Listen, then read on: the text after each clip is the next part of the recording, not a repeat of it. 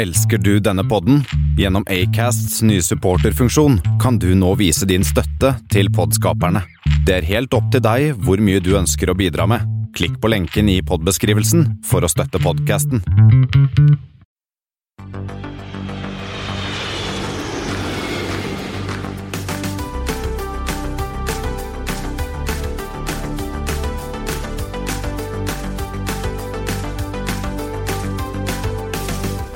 Hei, og velkommen til flight 78.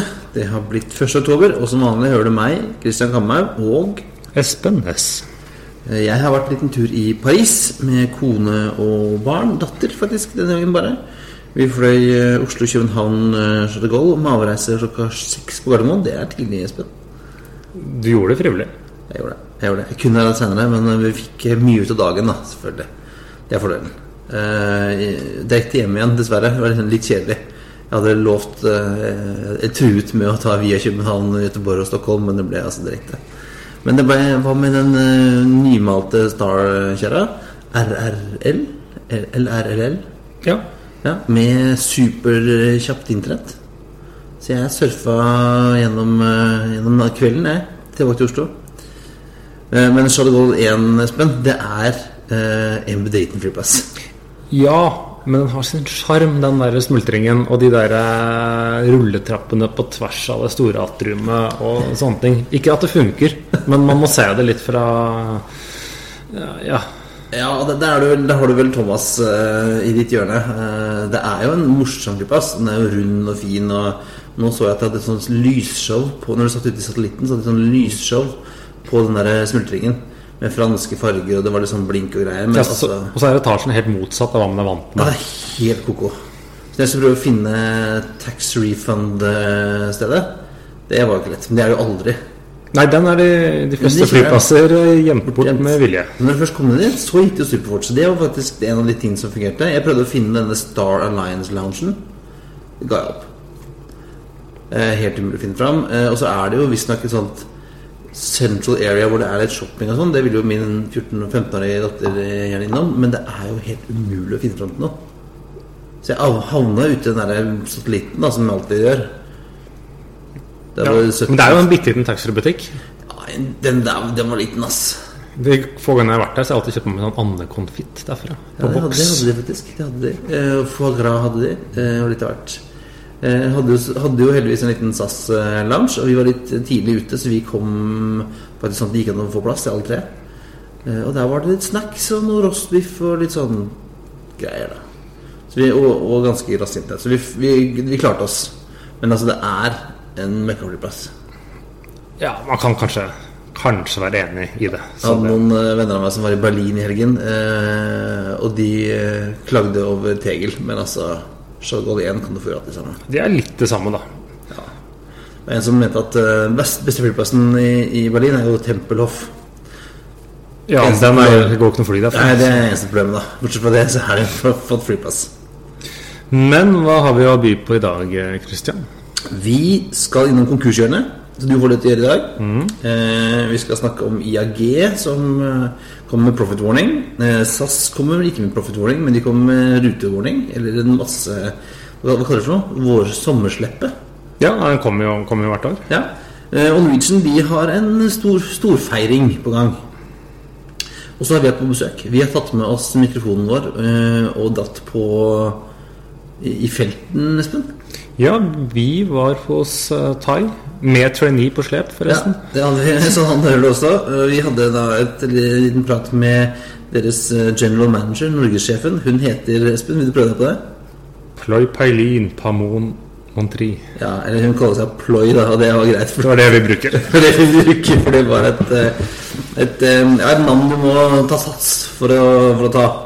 Ikke så ille som, som han Musa Fittehamlak som vi har pratet med før, men det var det, det tok litt tid. Eh, Men vi kommer tilbake til henne i løpet av sendingen. Men eh, hva med flight eh, 78, Christian? Jeg Hva har du gravd? funnet litt. Heldigvis, etter at vi hadde en ordentlig fæl eh, ulykke 77 forrige uke, så har vi ingen denne uken. Men vi, har, eh, vi starter med en som vi ikke har vært borti den her før. E EZY78. Det er EasyJet. EasyJet, som går eh, Glasgow til Luton. Vi har vært innom Luton før. Men lite britisk innenriks. Ja. Eh, og så skal vi hoppe i et annet, et annet selskap jeg heller ikke tror vi har dekka før. Det er MH78. Da er vi på i Malaysia. Ja, si, det er Kuala Lumpur til Hongkong, som går med en 737-800. Det var ganske lite fly for å være to store byer Ja. borti Asia. Det er jo veldig mye widebodies uh, der borte. Jeg har ikke sjekka, kanskje de har Kanskje det går så ofte at de trenger ikke større? Hva vet jeg? Husker ikke, Jeg har ikke sjekka Jeg har ikke sjekka tidtabellen mellom Kuala Lumpur og Hongkong, men uh, kan hende at det er nok overganger. Og så har vi den siste 78, som er eh, eh, SK78. Da er vi på svensk innenriks. Men vi har tidligere sånne lave nummer. har vært oppe i, oppe i Luleå og Østersund oppe i nord. Mens nå har vi på en sånn øyhoppingtur. Den her går Visby til Ørlanda med en ATR 72 Og Da er det jo fare for at de neste ti numrene går samme sted. til eh, Visby. Visby. Det kan godt hende. Da hopper vi og- og styrer vi unna lave SK-numre en stund. Ja. Skal vi hoppe til ukens Aktuelt, Espen? De starter hos deg, da. Vi starter hos meg. Vi eh, Konkursgjørende koker jo om dagen. Eh, vi kan jo begynne. Vi var jo innom Adria Airways eh, forrige uke. Da hadde de delvis satt noen av flyene på bakken. Det var noen leasingselskaper hadde begynt å hente inn fly, men eh, dette var visstnok bare midlertidig. Ja, det var, det var det første to dager, og så var det midlertidig to dager til. Ja, to dager til. Det eneste de opererte én rute til Frankfurt. Det kan godt være at Lufthansa garanterte noe eller et eller annet. Ja, det var visst- visstnok fordi det var viktig for eh, Slovenia da, å ha en direkte link til Frankfurt. Det var jo tydeligvis den eneste som fløy. Noen betalte, men nå er det slutt. Ja, og i går, altså, den 30. september, så leverte de inn sin konkursbegjæring. Siste flighten var visst lørdag kveld, eller var det søndag? Ja, Ja, vel. Ja, og det var eh, faktisk Paris til Ljubljana. Og da fløy de hjem det slovenske volleyballandslaget etter at de hadde tapt finalen i Mm. VM mot Serbia. Og det vet jeg fordi jeg traff en hel bunch med slovenske volleyballsupportere i Paris. Ja, for de hadde jo da ni Seriod 900, 2 Seriod 700, 3 Airbus A319 og 6 Saab 2000 på slutten av sin Ja, for det var noen De salgshusene arvet jo etter at etter denne, Darwin Airways Ja, eller Etihad Regional Ja, en annen eh, konkurskandidat. Ja. Og de fløy bl.a. litt sånne småregionale ruter for dem. Jeg lurer på om del anbud. De fløy bl.a. for Swiss mellom Zürich og Lugano.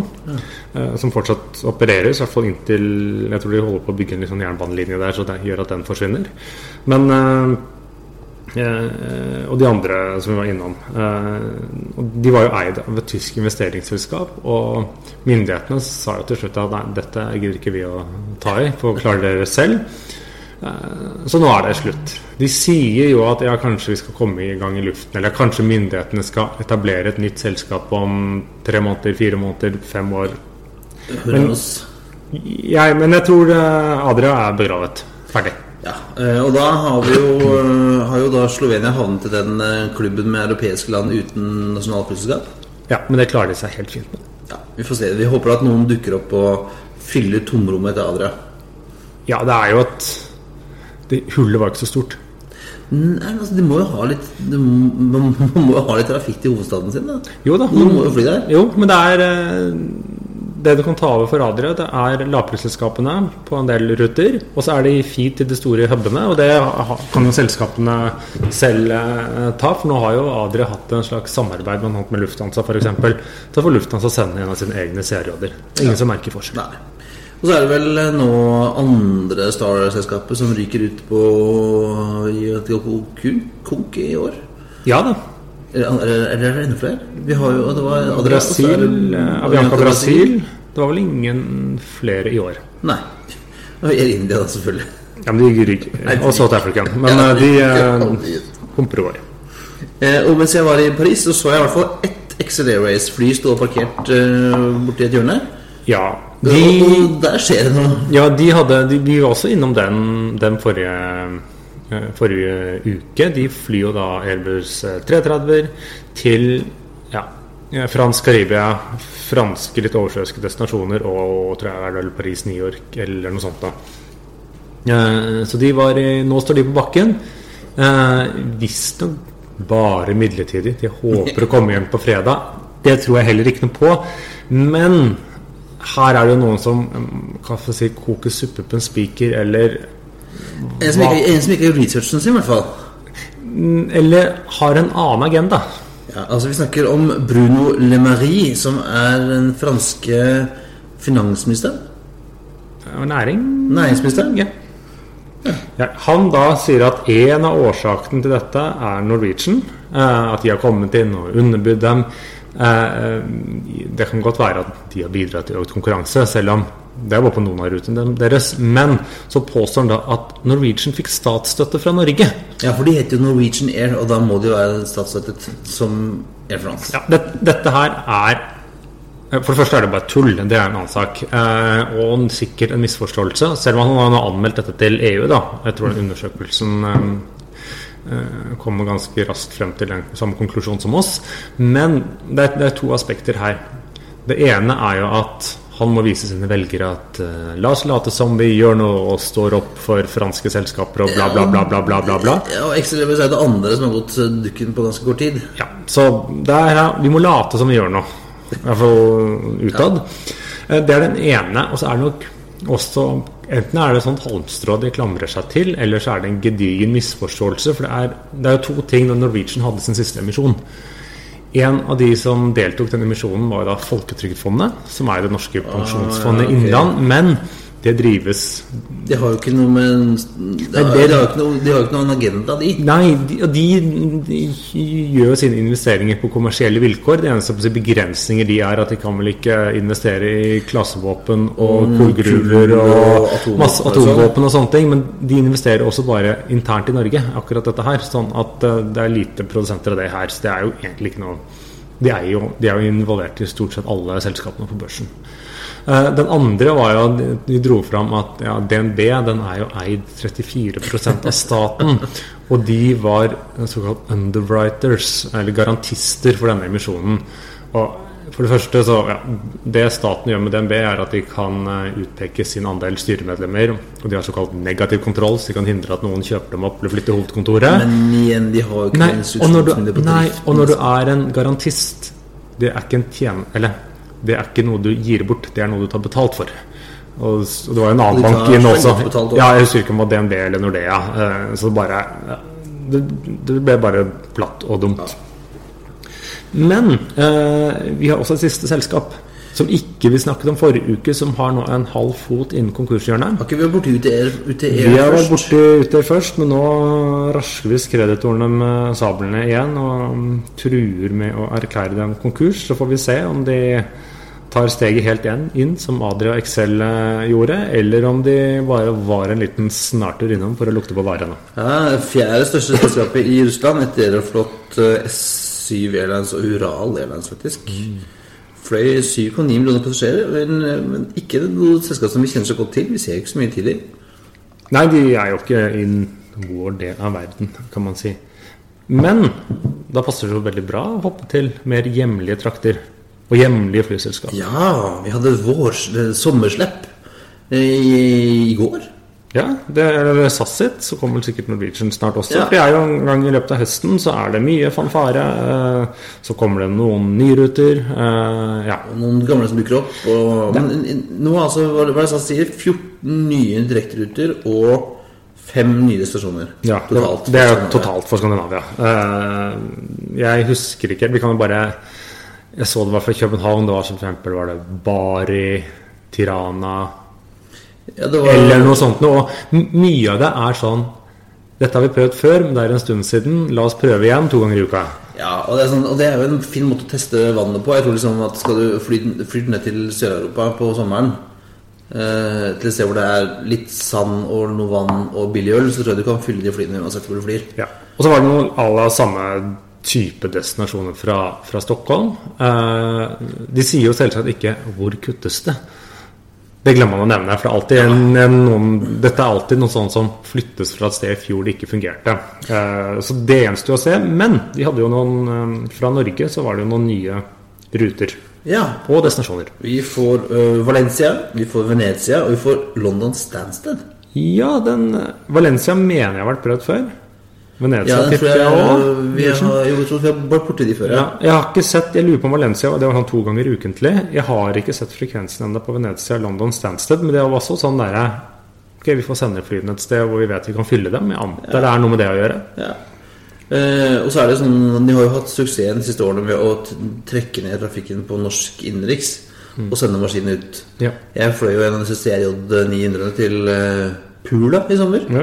Eh, og litt overraskende valg av maskinen dit, men uh, må jo fly et eller annet sted. Eh, og de har jo hatt stor suksess sånn revenue-messig med å dra ned på innenriks både Norge og Sverige uh, og heller flytte dem til Europa. Ja, Og så feirer de at, eller annonserer at Kiev, da, som skal starte nå i høst, den blir en helårsrute. Oslo-Kiev. Og så får vi Bergen til Barcelona. Det har i får- hvert fall vært prøvd før. Den er, og Haugesund-København. Men den har vel ikke vært fløyet på SAS-metall før, tror jeg. Den har vel vært Det var videre- videre. Men du skulle tro at ok, Haugesund-København Dette er kanskje for å skaffe mer feed, men det er jo sånn derre ruta jeg bare så Det er sånn tre ganger i uka. Returen fra Haugesund går klokka 22 på kvelden eller noe sånn kjempesent. Så det var litt sånn Vi har et fly stående, vi rekker å sende det tur-retur Haugesund, følte jeg. Ja, men altså København er jo et uh, Haugesund har ikke De har jo en London Stansted flight med Ryanair, vel? Det er jo det de har. Og sikkert noe Wizz Air også.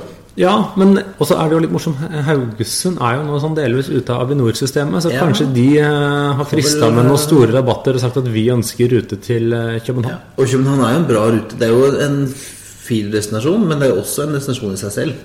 Ja, ja, absolutt. absolutt. Og så hva er det- Jokke sier? Vært verden rundt, vært i København og London. Ja, nei, det er... Nå har jo Haugesund begge deler. Ja. Så det er altså Jokke, god, god gamle Jokke, som er rute som, som driver ruteplanleggingen i Haugesund. Og så tillegg til det da, så var det noen destinasjoner som får flere frekvenser fra Oslo. Jeg så det var Brussel skal få litt flere. De flyr allerede to ganger om dagen dit. Eh, Edinburgh øker fra to til fire ganger i uka. Det var flere turer til Malaga. Ja, det er liksom, Malaga er jo om sommeren er et, uh, kan du fly så mye som du orker, tror jeg. Ja.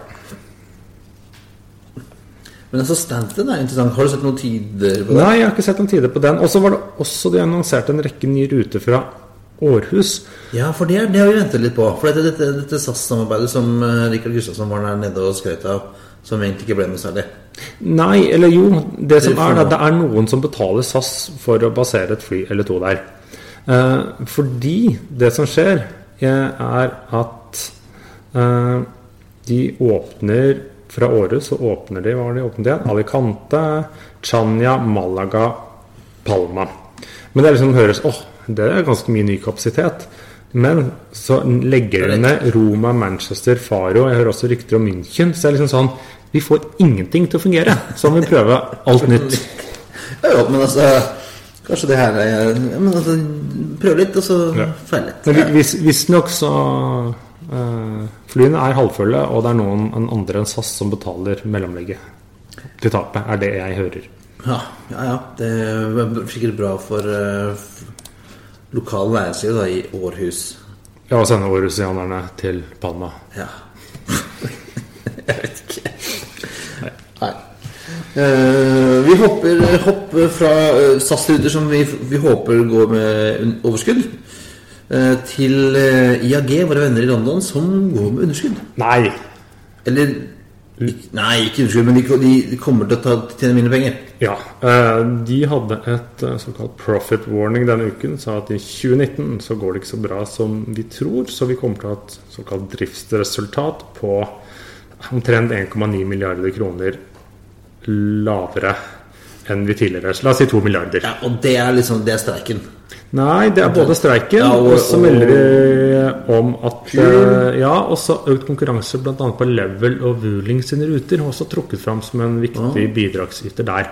Men la oss sette det litt i perspektiv. Det betyr at overskuddet deres blir litt lavere. De tjener fortsatt bra med penger, og er blant de mest lønnsomme luftfartsgruppene i Europa. Men siden overskuddet ble, blir, eller trolig blir lavere enn de har eh, tidligere signalisert, så måtte de komme med en advarsel. Men som sagt, dette er Ja. musespiss. Men, det var, men altså, det var ganske de to dagene med streik kosta ganske mye penger. Det var uh, visstnok ganske Det stengte hele Heathrow terminal 5 omtrent. Ja, det var et hva jeg har hørt, rundt milliarden Ja, i så det var jo godt at eh, det ikke ble noe av den siste streikedagen som skulle vært nå på fredag, tror jeg. Ja, Bortsett fra at de allerede hadde kansellert mange fly og booket om passasjerer. Så. Ah, ja. Jo, mens vi er inne på BA, så hopper vi videre til BAs One World-partner Latam. Ja, det, dette er en av de tingene jeg syns det ting. Ja, det er liksom morsomt i luftfart, fordi at eh, Hadde du trodd dette forrige uke? Nei. Nei. Plutselig kommer Latam, da, som er jo en del av uh, One World. Har vært det lenge. Ja, ja, det LAN i første LAN. Ja, 99. det eh, chilenske LAN, som også slo seg sammen med da TAM. Altså ikke, ikke Lan Marie, men Ikke Lan Marie, nei. Um, LAN i Chile, LAN Chile De kjøpte opp eller slo seg sammen med TAM i Brasil og dannet LATAM. Og det betydde at da beholdt de One World-medlemskapet til LAN, mens TAM forsvant ut av Star. ja. Eh, og så tenkte man at ja, ja, disse er godt plassert i One World. De, hadde blant, de har blant hatt et ganske tett samarbeid med American, og de var omtrent i ferd med, eller ganske nære, ved å inngå en joint venture med American. Og de var liksom Så er vel Qatar inne på eiersiden nå, tror jeg. Jeg lurer på det, og de var uans, en liten andel, og de var jo uansett da desidert De er det største selskapet i Sør-Amerika, og den dominerende aktøren der, og en viktig brikke for kall det si, American i større kanskje grad enn One World, men absolutt One World òg.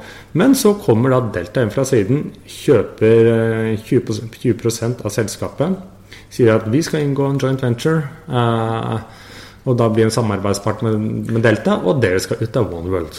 Ja, Det var vel American som sa at dette her blir ikke vi med på, så da må dere ut.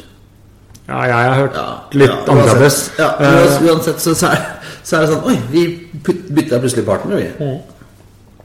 og det er jo kanskje Da skjer det jo noen eh, endringer der. Eh, Delta er med i SkyTeam, men disse her skal mest sannsynlig ikke inn i SkyTeam. Nei, så de skal kjøre litt sånn utafor uh, Ja, akkurat som så var det China Eastern eller Southern som gikk ut. Og Delta var jo ute var det forrige uke, han Ed Bastian, sjefen i Delta, og sa SkyTeam funker ikke. Men han, de er fremdeles med. Jo, de er med, men han sier at vi skal fortsatt være med. Men vi driver heller og kjører joint venture ved å kjøpe oss inn i selskaper og Ja, de har jo halvparten av Virgin Atlantic også, som heller ikke er med i noe allianse. Så dette det som er Og eier av Mexico. Men De er med. med. Men dette viser jo at uh, alliansene er jo ikke Dette er ikke en evig konstant. Det endrer seg, og det endrer samarbeids, mm, samarbeidsforholdene. Og, og også den at jeg syns er litt interessant, er jo at det tyder på at alliansen blir mindre og mindre viktige. viktige. Det er joint venture og bilateralt samarbeid som egentlig er mm, gjeldende, og som de store aktørene virker som de foretrekker. Som vi hadde back in the day. Ja, som man hadde. Så alliansen vil eh, leve videre, de. Men eh, de har liksom mistet sin betydning i stor grad, tror jeg. Og folk overvurderer det. Jeg så jo når jeg gikk inn på eh, SAS-loungen på Charlotte Gold i går, så så jeg det var en lang altså, Jeg har ikke tenkt på det på en stund, men den lista med Star Lines-partnere er jo altså, den er jo meterlang. Ja. Alle som kunne komme inn der.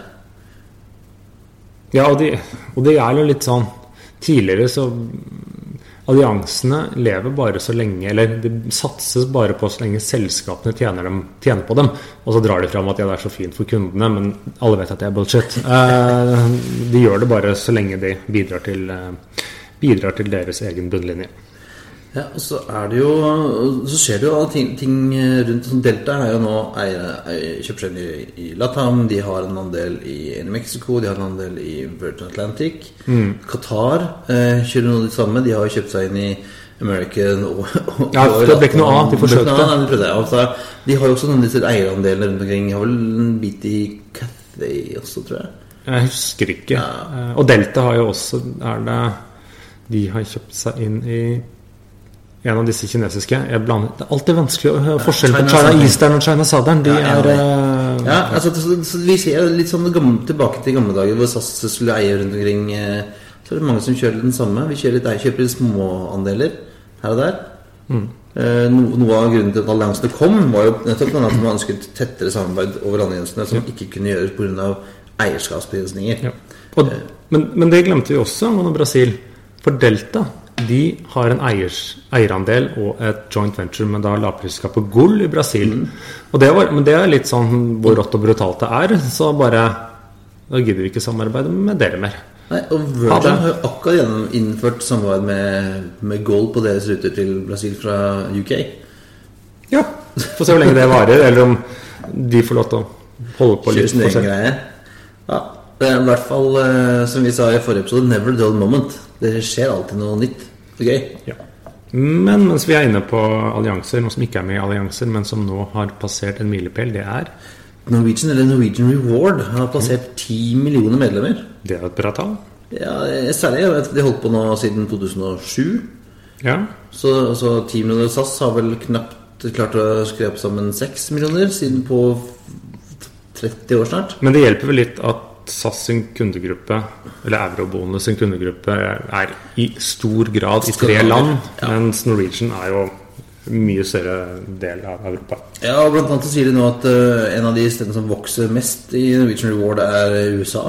Ja, for de rapporterer at de får stadig flere amerikanere eh, passasjerer. Passasjerer og, og kunder i, i Norwegian Reward, da. Eh, og så er vel alle som har dette Norwegian Bank Norwegian-kortet, er vel Norwegian Reward-medlemmer, de òg, ikke sant? Jo, det, jo, det stemmer. Ja, uh, og hvis du har fått et uh, fett forbrukslån, så er vel også medlem, da. Skal jeg tro. Ja, jeg antar det. Så jeg, jeg syns jeg, har, jeg er jo medlem av Norwegian Reward også, men jeg har ikke Jeg har liksom ikke jeg samler mye på. Jeg flyr jo veldig sjelden med Norwegian, men jeg fløy den i, til, hjem fra Kroatia i sommer, så brukte jeg jo da de 407 poengene jeg hadde, til å bare betale dem ned på den turen. Ja, jeg får Mine poeng eh, Jeg flyr dem en gang iblant, men mine sånne poeng kommer jo stort sett fra handling når jeg handler på kolonial.no. Får du Norwegian-poeng på Kolonial. Da får du Norwegian-poeng. Egentlig ganske bra uttelling også. Men du må, det eneste jeg bruker Norwegian-kortet mitt til, er å handle på kolonial. Men da må du ha Norwegian-kortet for å få Ja. Ah, ja, ok, så du får eh, Men eh, eh, når jeg, tidligere når jeg jobba mye i Stockholm sånn en gang i uka eller to, så tok jeg jo eh, Arlanda Ekspress, og da fikk du 100 eh, poeng på Norwegian Reward. Uansett Det- de kortet kjørte. Og det er ganske bra. Ja. Ja.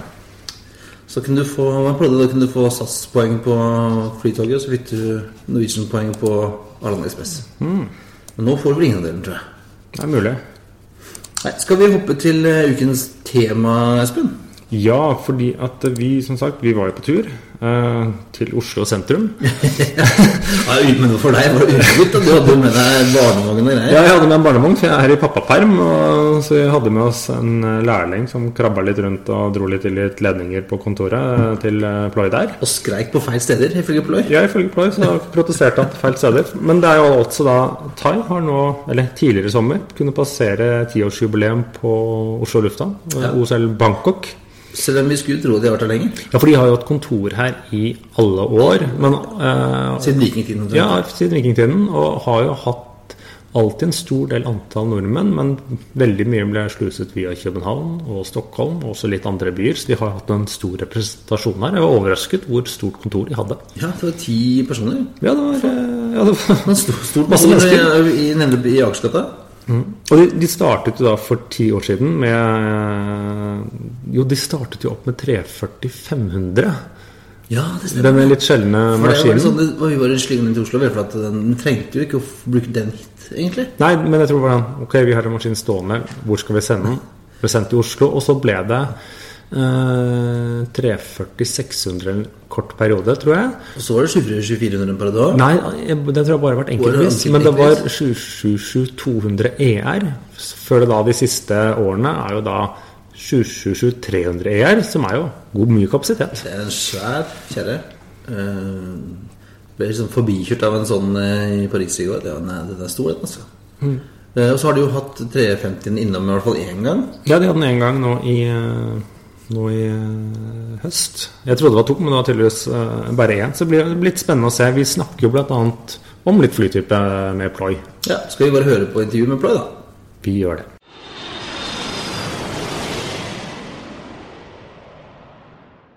We've mi- finally, Espen, uh, we finally made it to Thai, not Thailand, but Thai office in Oslo. Yeah, sitting here in uh, uh, Oslo downtown and I have um, met uh, Ploy. Ploy, who is the. I'm the general manager for Thai Airways in Norway. Thank you. And and we have our, our assistant, so so we might have some extra sound.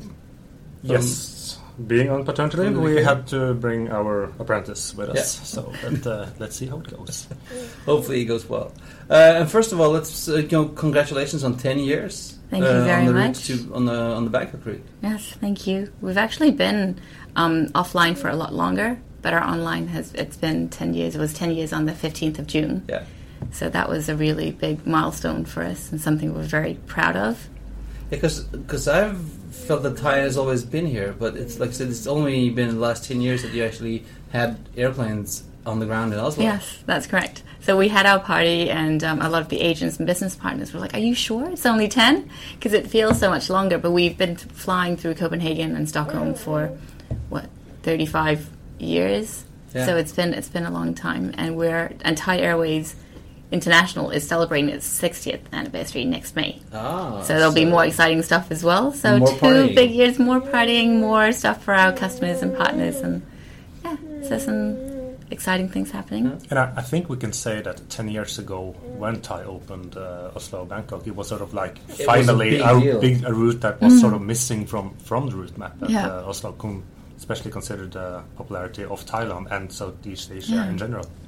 So I mean, Copenhagen was a real big, the center of Europe for well, when we opened Copenhagen, that was it, and then Sweden, and then everyone was like, well, we've got Copenhagen and Stockholm, but we're still missing another very important Scandinavian destination, and of course, Thailand is a very big and popular destination for um, Scandinavians and Norwegians. You have um, Scandinavians with summer homes and not quite hitters, but uh, you know, the, um, in Cha'am and Phuket and Pattaya and everything. So that's it's good. Yeah. I think I'm probably the only Norwegian that's never been to Thailand. What? I know. I, And I, and I even worked for SAS for 13 years and never got to go to Bangkok. Why not? I don't know. Just ne- never got there. No, well, we need to change that. So you know, great time to go, especially with the weather becoming like this. And has I'm, I'm sure it has, but have you seen a big change in, in, in passenger numbers when you came online? Of course. I'm sure it's Yeah. a lot. It's a lot more, but we've also upgraded our aircraft. So we went from you know a smaller one, and now we're operating with a triple seven three hundred ER, which has 348 seats. And every so day? that's it's daily seven months of the year. So throughout the winter we're daily. In the summer we're flexi, which means we're two months daily, and the rest of the time uh, we're operating five a week. So between mid June to mid August we're daily because it's the summer holidays and everyone's just wanting to Yeah.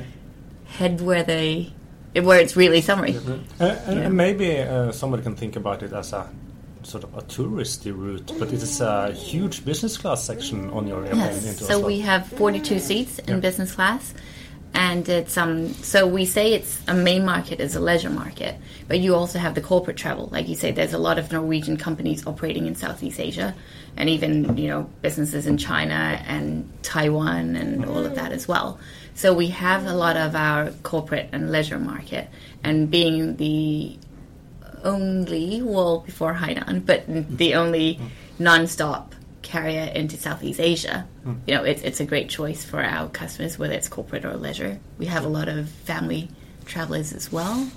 Yeah, but you know, business class, we have um, a lot of corporate. The majority of them is probably corporate, but we also have families like the um, re- retirees or people who have retired, or even families, like you say, because it's it's better to be fully rested and then you get there and you're ready to start meetings or start holidays and yeah. Yeah, so, so you mentioned that like you have a, a good mix of both business and, and leisure travel. Where, where do people go from from Bangkok? Do they mostly stay in Thailand or do they go further into Southeast Asia? So we have Australia. Bangkok is obviously the most popular one. Then um, it's Phuket and Manila, Indo, well, Vietnam. So Ho Chi Minh, Yeah. Hanoi, but Manila and Denpasar are also really big, and Singapore. Uh, but Singapore is more for the corporate market Yeah. than anything else. Yeah, because I guess it's uh, one of the most efficient links between Norway and Yes. Singapore. So Yeah. yeah. I mean, for us, it, it makes a lot of sense to be flying 11 hours and you get your rest there, and then you do a very short transit, and you're off on the next on the first flight out to out to um, No, it's a really good flight, I promise you. One hour, it's nothing. And he's like, oh, um, Singapore Airlines is so much better. Oh no, he did not say that. He didn't. No, that's not what you said. No, but you know, it, it's been it's been a really good corporate route. yeah. Even to if it's to Hanoi or onwards to North Asia or anything, because we land at around six a.m. So it's a very short connectivity. In China as well, or is that We too- fly too China. far? No, we, we have a lot of um, and a lot of you know the tech companies or the startups are also going to China to explore a lot of Yeah. new new um, ventures and all of that. So we have a lot of um, corporate travel that goes to certain parts of China, and Thai still works very well for them, Hmm. despite changes in the, the market. But it's because we fly daily most of the year, and then five a week. Yeah. So you know it's it's easier for them to. It's more flexible Yeah. rather than going with someone else. And plus, we have a great product, so why would they go with someone else? And what about Australia? How's the link there? Do you have, We have, or is um, limited market? we, I mean, we do have good connections. It's not as good as within Southeast Asia or something. It's just the timing. It's the the wait is a little longer, but we have a lot of um, travelers going to Perth and Melbourne and Brisbane.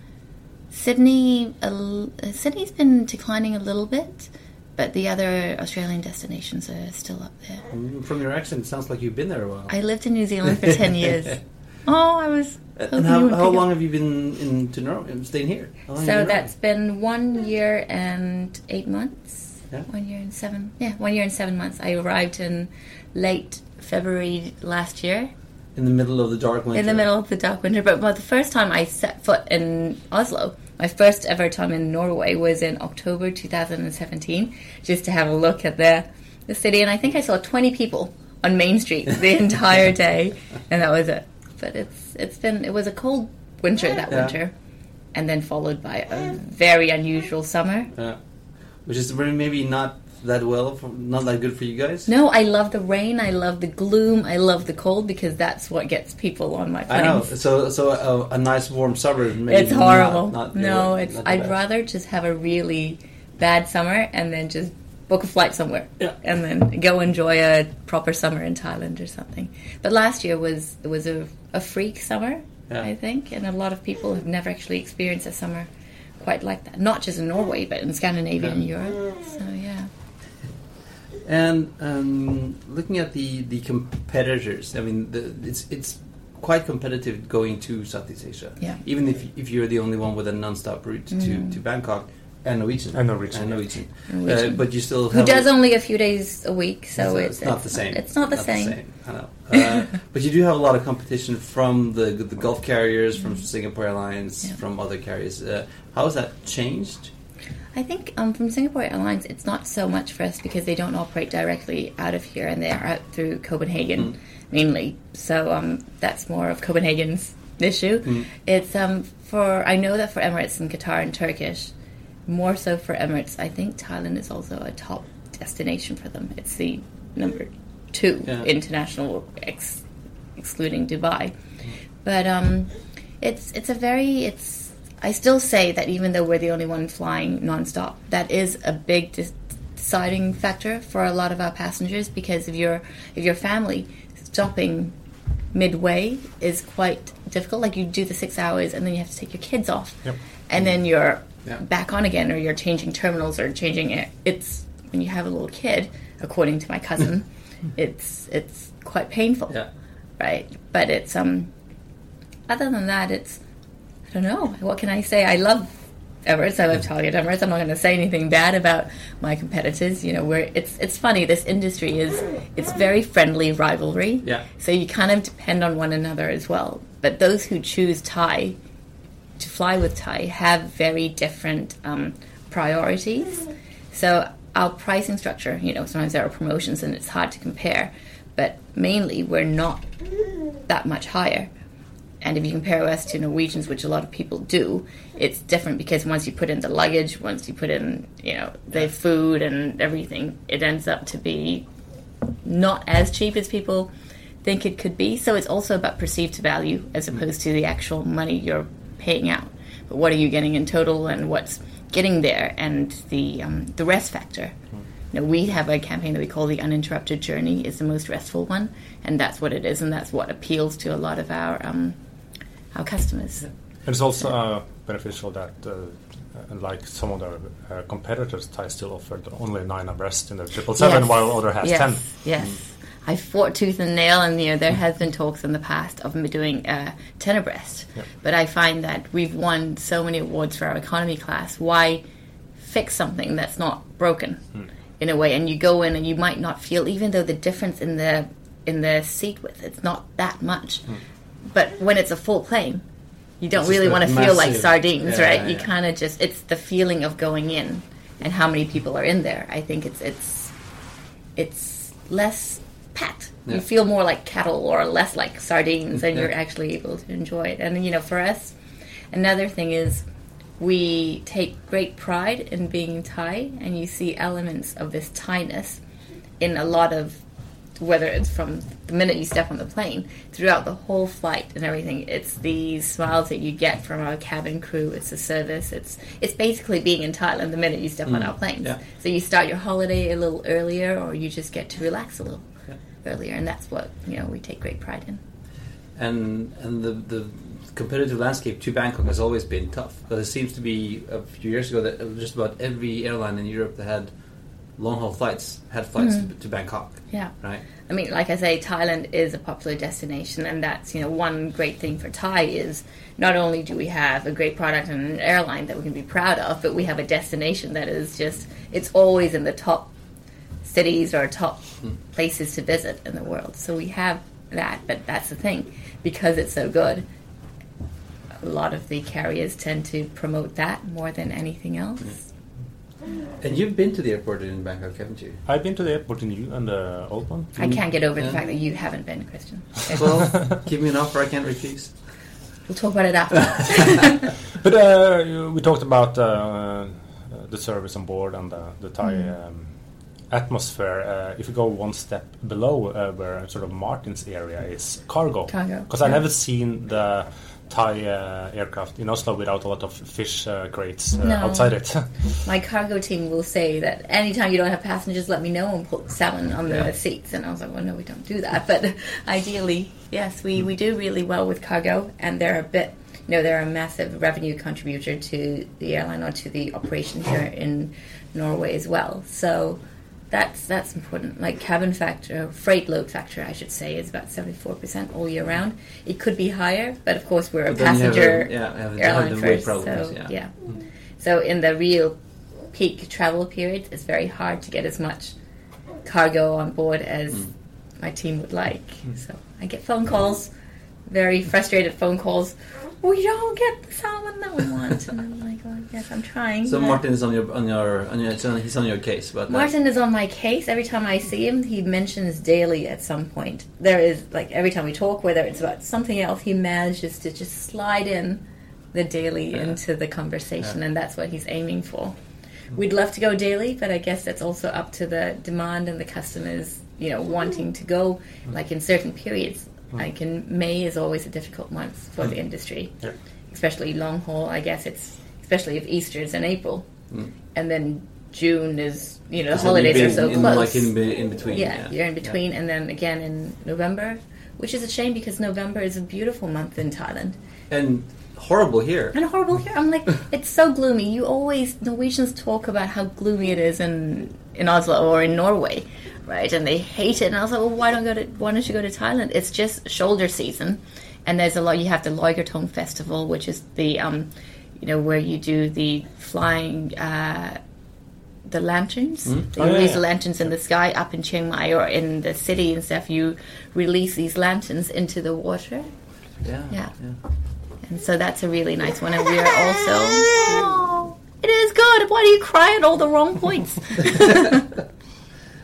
And traditionally, uh, when- back when I was working at SCS, we did a lot of the work with, with Thai, and, and and back then tour operators was really important Yeah. in filling the mm. planes. It's is it still like that, or do we do you see a lot more of the you know individual tourists? you have a lot more individual tourists, of course, and I think that's just mm, part of mm. the normal pattern or that, w- that we're seeing globally. So it's not just here, but there are still a lot of tour operators who have been with us for a long time, and they're, you know, it's it's it's weird. You might have all these apps or all these um, you know, sites you can go and book your own hotels, but some people just like the thought of going to the same travel agent they've used for a long time and who can plan their whole trip for them. And it's easy, I guess. There's a perception of, I think, language.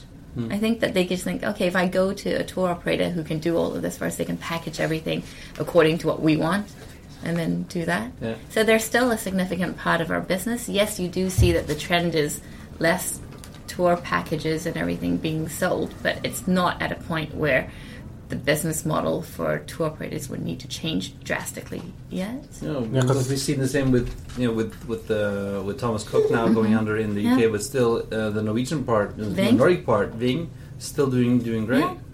I mean, Ving's been Ving's been great. So you they're know, big customers of customers of you guys. Yeah, they, they I think Ving is you know they contribute to every airline. They're so big and they've been performing really well. So I think I'm not entirely sure. I don't have all the information, but I'm guessing based on their ownership structure, it it was easy for them to you know kind of separate themselves a little bit and then continue their operations and not be as hard hit as or not be like Thomas Cook in the Yeah, UK. yeah. So I guess for them it's worked, but they're you know they're doing really well. I don't see why they can't continue that way. and and buy still buy seats from you guys. Yeah, yes, mm, keep buying seats from us. But really, kudos to the whole team though, because the whole operation, whether whether it's in even the UK or anywhere, they've kept the passengers informed. There has been no panic or nothing. It's just been quite quiet. And looking into the future, I mean, uh, Martin wants daily. Yes, uh, he and wants you're flying daily. with the not the biggest plane you have, but almost the biggest one. Oh. Uh, how do you see Oslo in the future, like in a year uh, or or two into the future? It's it's difficult. I think 2017 was a really good year for the whole industry, and so you know everyone's going, "Oh, let's increase capacity, let's do all of that," and then because of the summer last year, I think that's kind of made people take a step back and mm. have a rethink of it because in Scandinavia, a lot of it is about the weather. So you know it's really Extremely hard weather. to explain to anyone who doesn't live here or haven't experienced it themselves how important weather is to decisions that people make regarding their travel. Like I think in June was it forty seven percent of Norwegians hadn't actually booked a holiday Yeah. because they were waiting to see how the summer was going to be. So in the end, we had a lot of good bookings coming. We closed at a at a high cabin factor. And everything because it wasn't as good as the year before. It's just unpredictable. Yeah. But people are still holding out for that, you know, Norwegian summer. Yeah. And I guess we, we're going to see more of that, you, li- more late bookings than before. I think it is. It's something that more and more people are doing late bookings, and so you know, I think our our selling pattern has had to shift a little bit Yeah. or adjust ourselves a little bit to meet that. But it's a shame because sometimes you know the best deals are always when you book ahead in advance, not just flights, but hotels and everything in in Thailand or beyond. It always works better, better if you plan uh, ahead. But we, you know, every airline, I think we always have some promotions out every now and then just to entice the customers a little bit more. and, Yeah. But you know, going forward, I don't, I can't say much about what it is. I think we just have to see how it, the rest of this year plays out, or the beginning of next year. If we go to daily, we might have, um, you know, it, it's difficult. You kind of have the real peak seasons where you don't want to go to a smaller aircraft and do daily all year round. So it might have to be a flexi TPI Yeah. and aircraft that you use, but Because- it's hard. Because we've seen that on a few occasions, I think, uh, this autumn, where you sent the A350 900 It was one day. It was one day, day. okay. We had one day. it was a few, but at least I've seen it once. It was, it was once. Well, it was that one day, and you know, it's great because it's it's a newer aircraft, Hmm. so people are, get really excited about it. But it's also a lot less business class seats. Yeah. So Martin was pushing the 350 with me, but I'm just going. My business class cabin factor is really high, Yeah. so I'd be losing out on on seats on on this one. And I think, like, shame. like you mentioned earlier, the business class is both business travelers, but it's also a lot of, of leisure, Leisure travelers, travelers. who want to upgrade their vacation time. Yeah. And to to fly in more mm. in more comfort or more style. And it's 11 hours, so you Yeah. really want to get that, that rest, and think you we've did. got great. Yeah. You've you- flown business class, I think? Yes, with uh, even with a with an infant a few years Yeah. back. So that was uh, Is that upgrade or No, I used um, uh, bonus points. So. Yeah. But you know, we're, we're really family friendly and Yeah. everything on our aircraft. And our flight attendants seem to love babies and kids, so it's been it's good. But hopefully we'll see. I'll get back to you in about a year and let you know how we're going with the aircraft Yeah. changes. And and do you see when you bought your ticket with your with your bonus points? Do you see a lot of? Do you have a good relationship with SAS here? Yes, very. I mean, SAS and Thai, we go back really far because they're uh, a founding. Yeah. You know, we started Thai together with SAS, and a lot of the systems and everything that we have in place to this day comes from the system that was implemented from the very beginning together with SAS. And I, Yeah. I also assume that they give you some domestic fee at, as well Yes, from other yes. Norwegian cities. Yes, So- of course. So, you know, SAS is a big feeder for us out of Oslo. Uh, Widerøe plays a big part, I guess, with any airline because there are certain parts of Norway that is, you know, you have to depend on Widerøe completely. But SAS has always been a big partner. We use their um, ground handling as well. So it's, um, yeah.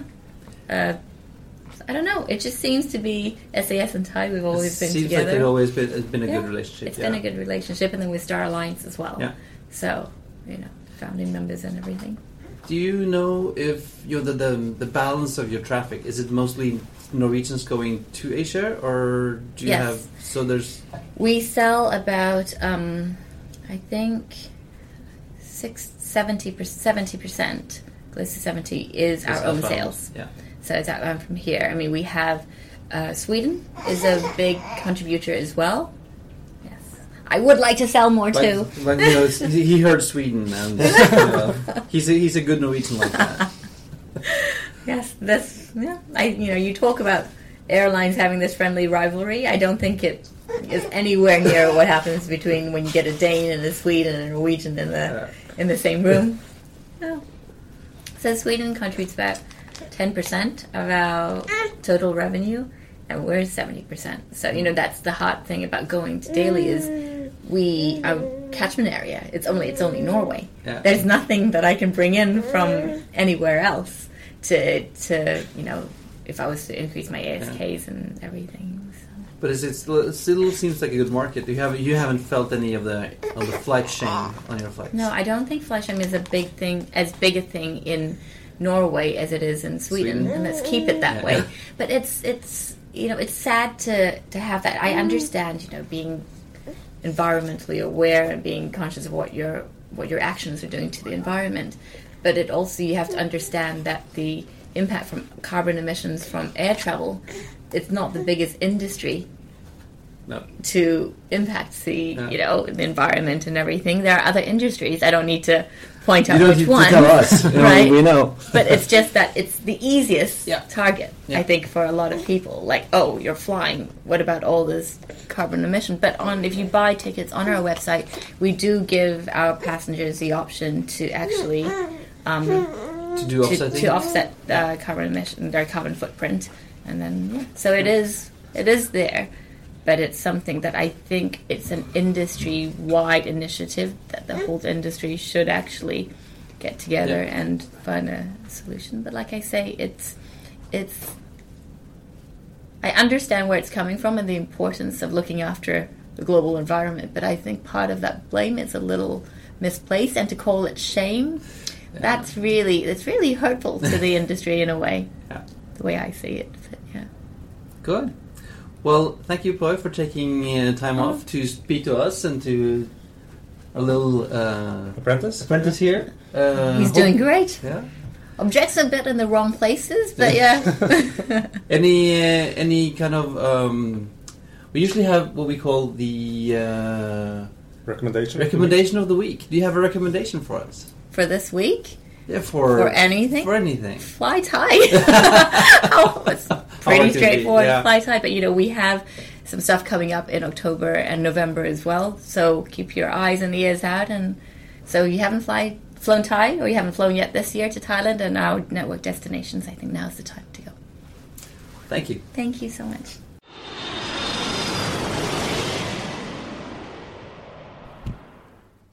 Det gikk jo fint, det, er selv med assistent, Espen. Ja da, vi eh, klarte oss, og vi fikk eh, Jeg syns vi hadde en interessant samtale med Ploy. Hun var eh, absolutt på ballen, hun. Ja, og så var det faren hennes som hadde fått i gang ruta. Ja, det var også en liten fun fact. Ja, Og så viste det at hun også var venninne med en av prinsessene på Instagram. For hun viste Jeg fortalte at jeg skulle til Paris, og så sa hun ja, du må dra hit på dette stedet. Så, ja, for der har liksom venninnen prinsessen vært, og ja, ja. Da. Til at man er connected. Bereist dame var hun Ja. også. Ja da. eh, Veldig, og veldig, veldig hyggelig. Så Selv om hun var sjokkert over at jeg hadde vært i Thailand. da Nei, det, du er en av de få etter hvert. Jeg var en av de få i Norge som ikke var i Thailand. Men eh, skal vi da, er, blir da ukens anbefaling Ploy sin anbefaling? Ja. Hva er det du sier, Ploy? Hva er det nordmenn bør gjøre? Ploy sa dra til Thailand. Ja. Så gjør det, da. Da har vi klippet her òg. Fly tie. Jepp, men eh, det var alt for i dag. Det er med andre ord på tide å feste setebeltet, rette opp stoleryggen og sikre fri sikt ut av vinduet ettersom flight 78 er på vei inn for landing. Som alltid finner du linker og bilder på flypodden.no. Du finner oss også på Facebook, eh, at flypodden, eh, på Twitter, Instagram, og vil du sende oss en liten hilsen, så gjør du det på hallo at flypodden.no. Og før vi sier ha det bra, så tenkte jeg vi kan tease litt om eh, et par andre ting vi har i pipeline, Espen. Ja, for øh, mens jeg er her med traineen, har fått lov til å være med på de, så skal du farte litt rundt. Ja, jeg skal bl.a. snakke med Snorre Andresen, som er sjef for eh, tårntjenester i Avinor. Og så skal jeg ta en tur til Stockholm og møte Singapore Airlines sin 350 som kommer inn fra Singapore. Det blir gøy. Ja. Og da kan vi si det. Da kan vi si det. Ha. We thank you for flying with us today. We truly appreciate your business and look forward to serving you on a future flight.